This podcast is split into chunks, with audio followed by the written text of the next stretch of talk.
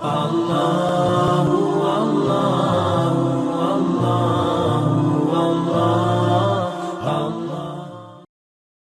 kita lanjutkan setelah tadi Dajjal terbunuh dan pengikut-pengikutnya juga mati. Akhirnya Nabi Isa alaihissalam menyebarkan keadilan di muka bumi dan keluarlah pada saat itu Ya'juj Ma'juj yang disebutkan dalam sebuah riwayat yang sahih kata Nabi SAW Allah berfirman kepada Isa Wahai Isa aku akan keluarkan hamba-hambaku yang kau tidak akan mampu untuk melawannya. Maka keluarlah Ya'juj Ma'juj dari dua gunung yang sedang dihimpit. Ada satu peneliti dari Mesir yang Allah alam saya melihat buku beliau sangat bagus sebenarnya sistematis dan beliau tinjau lokasi sendiri dan di situ ada beberapa eh, bukti-bukti secara histori dan juga dihubungkan dengan dalil-dalil karena pernah ada uh, sahabat yang menemukan uh, tembok ya Juju Ma'juj ini ya. maka dia pun melapor kepada Nabi SAW dan Nabi SAW membenarkan itu membenarkan Artinya tembok ini bukan sesuatu yang tersembunyi, kelihatan. Maka peneliti muslim dari Mesir ini mengatakan dan saya punya bukunya sudah ada terjemahan bahasa Indonesia, jujurnya Ya'juj Ma'juj memang. Dia memastikan tembok itu sebenarnya adalah tembok Cina yang berada di Cina sekarang dan memang ter, menyambung antara dua gunung yang besar. Kata Nabi SAW, kecelakaanlah bagi sungku Arab karena sudah terbuka dari lubang Ya'juj Ma'juj seperti ini diperlukan ketemukan antara jari tengah beliau dengan ibu jari artinya mereka sudah bisa melihat dalam riwayat yang lain dikatakan bahwasanya Ya'juj Ma'juj setiap hari menggali gunung itu berusaha untuk keluar. Tapi mereka pada saat tiba malam hari karena kecapean mereka istirahat Allah Subhanahu wa taala tutup kembali gunung itu. Sehingga besok mereka memulai lagi dari awal. Sampai nanti di saat waktunya mereka dikeluarkan oleh Allah Subhanahu wa taala. Sampai saatnya nanti mereka dikeluarkan oleh Allah Subhanahu wa taala. Jadi memang cerita tentang mereka ini akan keluar disampaikan dalam banyak riwayat ya. Kemudian setelah itu mereka akan keluar dengan hikmah Allah Subhanahu wa taala dan Isa alaihissalam menyelamatkan dirinya bersama orang-orang beriman di atas gunung. Dan ada beberapa riwayat menyebutkan di gunung Tur ya. Gunung Tur ini ada di Palestina kalau tidak salah dan ada surah At-Tur menjelaskan masalah itu. Ya, uh, yang jelas Isa alaihissalam di atas gunung dan akhirnya Yajuj Majuj mulai membuat kerusakan di muka bumi. Allah subhanahu wa ta'ala menceritakan tentang mereka panjang lebar dalam banyak ayat Al-Quran. Uh,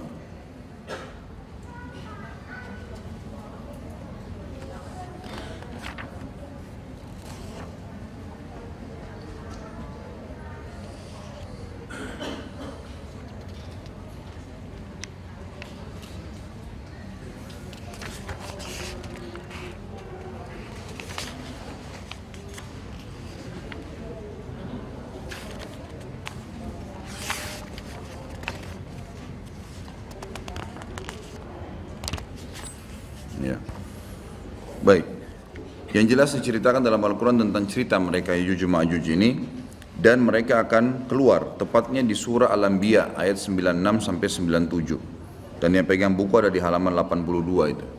A'udzu billahi minasyaitonir rajim hatta idza futihat ya'juj wa ma'juj hum min kulli hadabin yansilun واقترب الوعد الحق فإذا هي شاخصة أبصار الذين كفروا يا ويلنا Ya wailana qad kunna fi min hadha bal, bal kunna zalimin. Hingga apabila dibukakan tembok Ya'juj Ma'juj dan mereka turun dengan cepat dari seluruh tempat yang tinggi dan telah dekatlah kedatangan janji yang benar, maksudnya hari kebangkitan. Maka tiba-tiba terbelalaklah mata orang-orang kafir. Mereka berkata, Aduhai celakalah kami, sungguhnya kami dalam kelalaian tentang ini, bahkan kami orang-orang yang zalim. Kata para ulama tafsir maksudnya adalah orang-orang kafir pun bingung.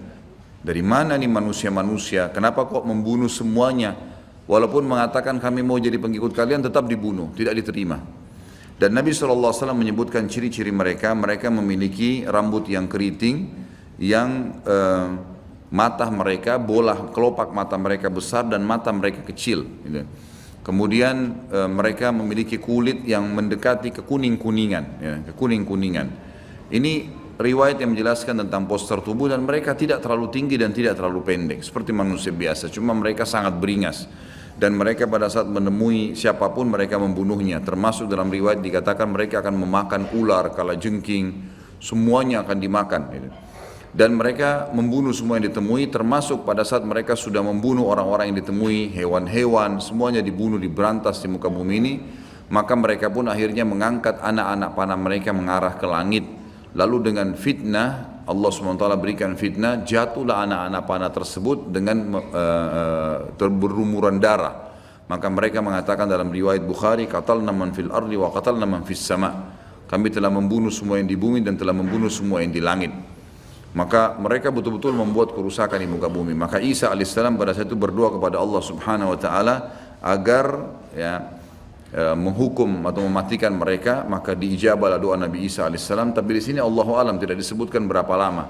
Tapi ini kalau dilihat dari mereka menguasai dunia mereka memenuhi seluruh muka bumi ini dengan penuh ya sampai waktu mereka mati nanti seluruh muka bumi ini kata Nabi SAW dipenuhi oleh jasad mereka. Berarti penuh luar biasa jumlahnya banyak. Ini tidak akan memakan waktu satu tahun dua tahun ini gitu kan ini akan bisa belasan mungkin puluhan tahun Allah alam gitu.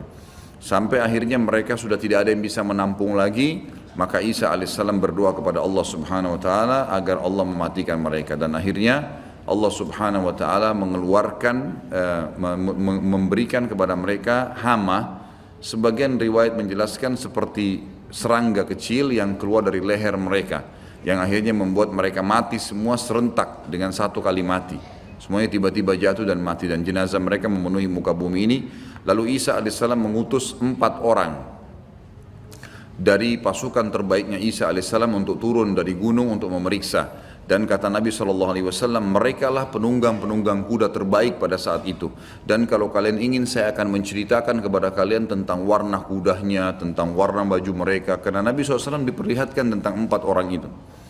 Kemudian mereka pun keliling dan mereka menemukan ternyata Ya'juj semua sudah mati dan mereka melapor kepada Isa alaihissalam. Maka Isa pun berdoa kepada Allah agar dihilangkan jenazah itu, dihilangkan mereka. Lalu datanglah burung-burung dari arah barat yang memiliki leher-leher yang panjang seperti unta, lalu mencengkeram mereka, lalu membawa mereka ke arah lautan. Setelah itu Allah Azza wa menurunkan hujan yang lebat sehingga membersihkan muka bumi ini jadi bersih. Baik, setelah itu ada riwayat yang disebutkan oleh Syekh Abu Bakar di sini, sebuah riwayat yang cukup panjang.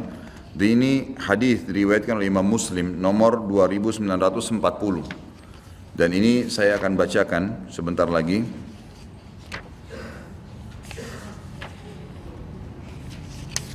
Yang bunyinya kata Nabi SAW, Yakhruju dajjalu fi ummati fayamkuthu arba'in.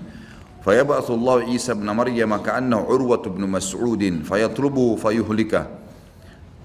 ثم يمكث الناس سبع سنين ليس بين اثنين عداوة. ثم يرسل الله ريحا باردة من قبل الشام فلا يبقى على وجه الأرض من, من, من في قلبه مثقال ذرة من خير أو إيمان إلا قبضته.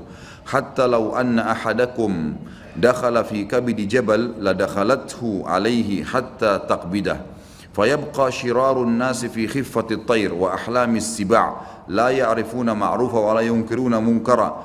ويتمثل لهم الشيطان فيقول ألا تستجيبون؟ فيقولون فماذا تأمرنا؟ فيأمرهم بعبادة الأوثان وهم في ذلك دار رزقهم حسن عيشهم ثم ينفخ في السور فلا يسمعه أحد إلا أصغى ليتا ورفع ليتا وأول من يسمعه رجل يلوط حوض إبله. قال فيسعق ويسعق الناس ثم ينزل ثم ينزل الله مطرا كأنه الطل فتنبت منه أجساد, أجساد الناس. ثم ينفق فيه أخرى فإذا هم قيام ينظرون ثم يقال يا أيها الناس حلم إلى ربكم وكفوهم إنهم مسؤولون. sebagaimana ayat jelaskan itu ثم يقال أخرجوا بعث النار فيقال من من كم؟ في فيقال من كل ألف تسعمية وتسعة وتسعين. فذلك يوم يجعل الولدان شيب شيبا وذلك يوم يوم يكشف عن ساق.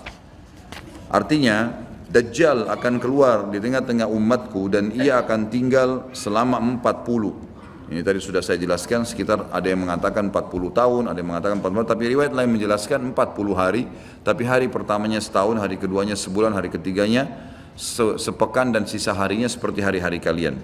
Lalu Allah membangkitkan Isa putra Maryam, di, ia mirip sekali dengan Urwa bin Mas'ud, ada sahabat Nabi. Maka Isa mencari Dajjal dan kemudian membunuhnya. Setelah itu manusia tinggal selama tujuh tahun tanpa ada permusuhan di antara mereka. Kemudian Allah meniupkan angin dingin dari arah negeri Syam. Nah ini saya ingin jelaskan. Jadi pada saat uh, terjadi Isa alaihissalam sudah membunuh Dajjal dan terjadi keadilan di muka bumi, kata ulama hadis makna hadis ini adalah setelah itu Isa alaihissalam berjalan. Ada riwayat menjelaskan Isa menyebarkan ya berhukum selama 40 tahun. Lalu Isa alaihissalam menjadi hakim sampai Isa alaihissalam meninggal dunia. Pada saat Isa alaihissalam meninggal dunia, maka terjadilah tanda-tanda kiamat yang lain yang tadi, gitu kan yang sudah saya sebutkan urutannya. Setelah Isa alaihissalam meninggal, Ma'juj juga sudah mati, maka mulailah keluar dabbah. Manusia sudah mulai lalai kembali kemudian keluarlah hewan melata mengingatkan, kemudian keluar kabut seluruh muka bumi, kemudian terjadi longsor, gitu kan. Kemudian keluar api dari wilayah Aden, lalu kemudian terbitlah matahari dari barat itu. Namun ada satu dari hadis ini disebutkan pada saat ya, terbit matahari dari barat, ya, di sini ada kejadian lain yang ulama sebagian masukkan ke tanda-tanda hari kiamat, sebagiannya mengatakan ini bukan, cuman pelengkap. Tapi anggap kita masukkan tanda-tanda kiamat sehingga ini yang nomor 12. Setelah matahari terbit dari barat yang kata Nabi SAW pada saat itu tidak akan lagi berguna jiwa yang meminta taubat. Dalam riwayat Bukhari dikatakan taubat akan diterima oleh Allah selama matahari belum terbit dari barat. Kata Nabi SAW dalam hadis yang saya bacakan riwayat Muslim, setelah itu manusia tinggal selama tujuh tahun tanpa ada permusuhan di antara mereka. Yang dimaksud di sini adalah mereka setelah kejadian-kejadian besar, Isa alaihissalam mati, setelah 40 tahun buat keadilan, setelah Isa alaihissalam mati, ada tujuh tahun setelah itu lagi tambahan, jadi 47 tahun. Tapi setelah Isa meninggal tujuh tahun, tidak ada permusuhan di antara manusia. Kemudian Allah meniupkan angin dingin dari arah negeri Syam. Nah ini arah angin dingin ini adalah terjadi setelah terbitnya matahari dari barat. Maka tidak seorang pun di muka bumi ini yang di dalam hatinya masih ada kebaikan atau iman melainkan pasti angin itu merenggut nyawanya. Hingga sekiranya ada seseorang di antara kalian yang bersembunyi di rongga gunung sekalipun, niscaya angin itu akan masuk dan merenggut nyawanya. Maka yang tersisa adalah manusia-manusia jahat yang tangkas bagaikan tangkasnya burung dan binatang buas. Mereka tidak mengenal kebaikan dan tidak mengingkari kemungkaran. Jadi setelah terjadi semua tanda-tanda kiamat besar itu, gitu kan, maka orang-orang beriman dimatikan oleh Allah Subhanahu wa taala dengan cara ditiupkan angin dingin dari arah negeri Syam. Seluruh muka bumi orang beriman habis, gitu kan. Pada saat orang beriman ini habis, dan sudah ada orang-orang yang tadi saya bilang mulai membangkang setelah Nabi Isa alaihissalam meninggal itu kan dan dabah hewan melata yang keluar itu membawa cap. Dalam hadis Bukhari dicaplah orang-orang yang beriman dan orang kafir. Berarti sudah ada orang-orang yang kafir pada saat itu. Maka matilah semua orang-orang yang beriman. Tertinggallah orang-orang yang seperti tangkasnya tadi binatang burung burung dan binatang-binatang buas. Mereka tidak mengenal kebaikan apa yang Allah perintahkan dan juga tidak mengingkari kemungkaran. Lalu syaitan datang kepada mereka berbentuk manusia seraya berkata, apakah kalian mau memenuhi ajaranku, ajakanku? Mereka berkata, apa yang kamu perintahkan kepada kami? Lalu syaitan menyuruh mereka menyembah berhala. Di sini sebagian ulama hadis mengatakan syaitan memperindah dengan istilah seni dan seterusnya kemudian patung-patung itu mulai menghiasi seluruh muka bumi ini. Jadi mereka sembah. Lalu syaitan menyuruh mereka menyembah berhala padahal harta kekayaan mereka melimpah ruah pada saat itu. Dan kehidupan mereka semuanya sejahtera. Mereka semuanya penuh, semua luar biasa, kehidupan sangat luar biasa. Kata ulama hadis nggak ada lagi orang miskin pada saat itu.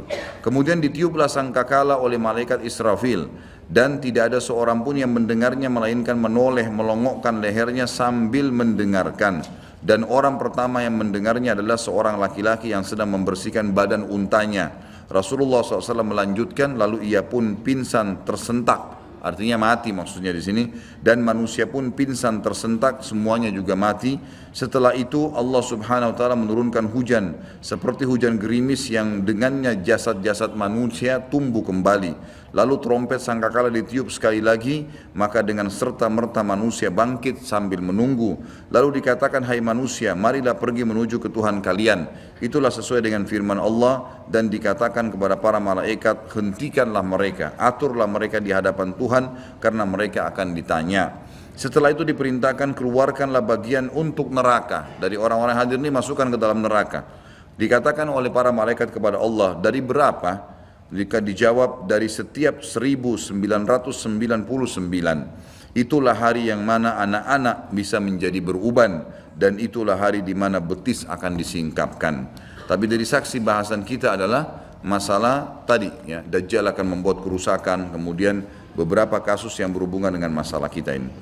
Tentu dari 11 tadi tanda-tanda hari kiamat ini sudah saya jelaskan secara global semuanya dan ada tambahan lagi satu berhubungan dengan riwayat dan tidak disebutkan oleh Syekh Abu Bakar Sin rahimahullah hadis-hadis sahih riwayatkan Imam Bukhari Imam Muslim tentang adanya dhu uh, uh, sakain ya. Dhu sakain ini istilah uh, dari seseorang dari uh, Ethiopia dan ulama hadis meletakkan ini bukan tanda-tanda hari kiamat tapi termasuk rangkaian kejadian yang terjadi pada saat orang-orang sudah mulai menyembah berhala. Jadi tadi itu sebelum terjadi kiamat orang-orang mulai menyembah berhala kembali sampai akhirnya Allah tiupkan sangkakala. Pada saat terjadi fase itu ada satu orang dari Ethiopia yang datang menuju ke Mekah. Lalu dia menghancurkan Ka'bah batu demi batu. Kata Nabi SAW akan datang seseorang yang zu sakain maksudnya sak ini betis betisnya kecil sekali orang itu, saking kurusnya, dan tidak ada lagi orang menyembah Allah pada saat itu. Orang tidak tahu lagi nilainya Ka'bah. Maka tidak ada lagi orang beriman semua sudah diambil ruhnya dengan dimatikan tadi dengan angin itu. Maka tidak ada yang tahu nilainya, dia pun datang lalu dia mencabut-cabut. Kata Nabi SAW, saya diperlihatkan oleh Allah pada saat dia mencabut-cabut bantu Ka'bah itu dan akhirnya membuatnya rata dengan tanah. Gitu kan? Ini termasuk kejadian yang terjadi pada saat memang sebelum ditiup sangkakala. Ini tambahan informasinya, gitu kan? Seperti itulah. Jadi ini tanda-tanda kiamat semua yang pasti akan terjadi sampai nanti akan dibangkitkannya manusia, gitu kan? Dalam riwayat lain, riwayat Imam Muslim nomor 2949 di halaman 89 kalau teman-teman yang pegang buku, la taqumus illa ala shirarin nas. Tidak akan pernah terjadi hari kiamat ya sampai ya apa namanya? Kecuali pada orang-orang yang jahat, kecuali pada orang-orang yang jahat.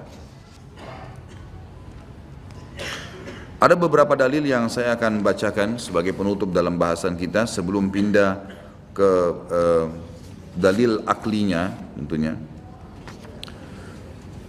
Tadi sampai terakhir saya baca surah An-Naml ayat 82 dan akhirnya saya hubungkan dengan tanda-tanda hari kiamat di halaman 82. Sekarang saya bacakan juga Anbiya 9697 sudah saya bacakan tadi Ajuj Majuj. Sekarang saya bacakan surah Az-Zukhruf ayat 57 sampai 61 yang bunyinya a'udzubillahi minasyaitonir rajim. Walamma duriba walamma duriba ibnu maryam mathalan idza qaumuka minhu yas minhu yasiddun wa qalu alihatuna khairun amhu ma darabuhu laka illa jadala bal hum qaumun khasimun in huwa illa abdun an'amna alaihi wa ja'alnahu mathalan li bani Israel walau nasha'u la ja'alna minkum malaikatan fil ardi yakhlufun wa innahu la ilmun lis sa'ati fala tamtarunna biha wattabi'un. Hada siratun mustaqim.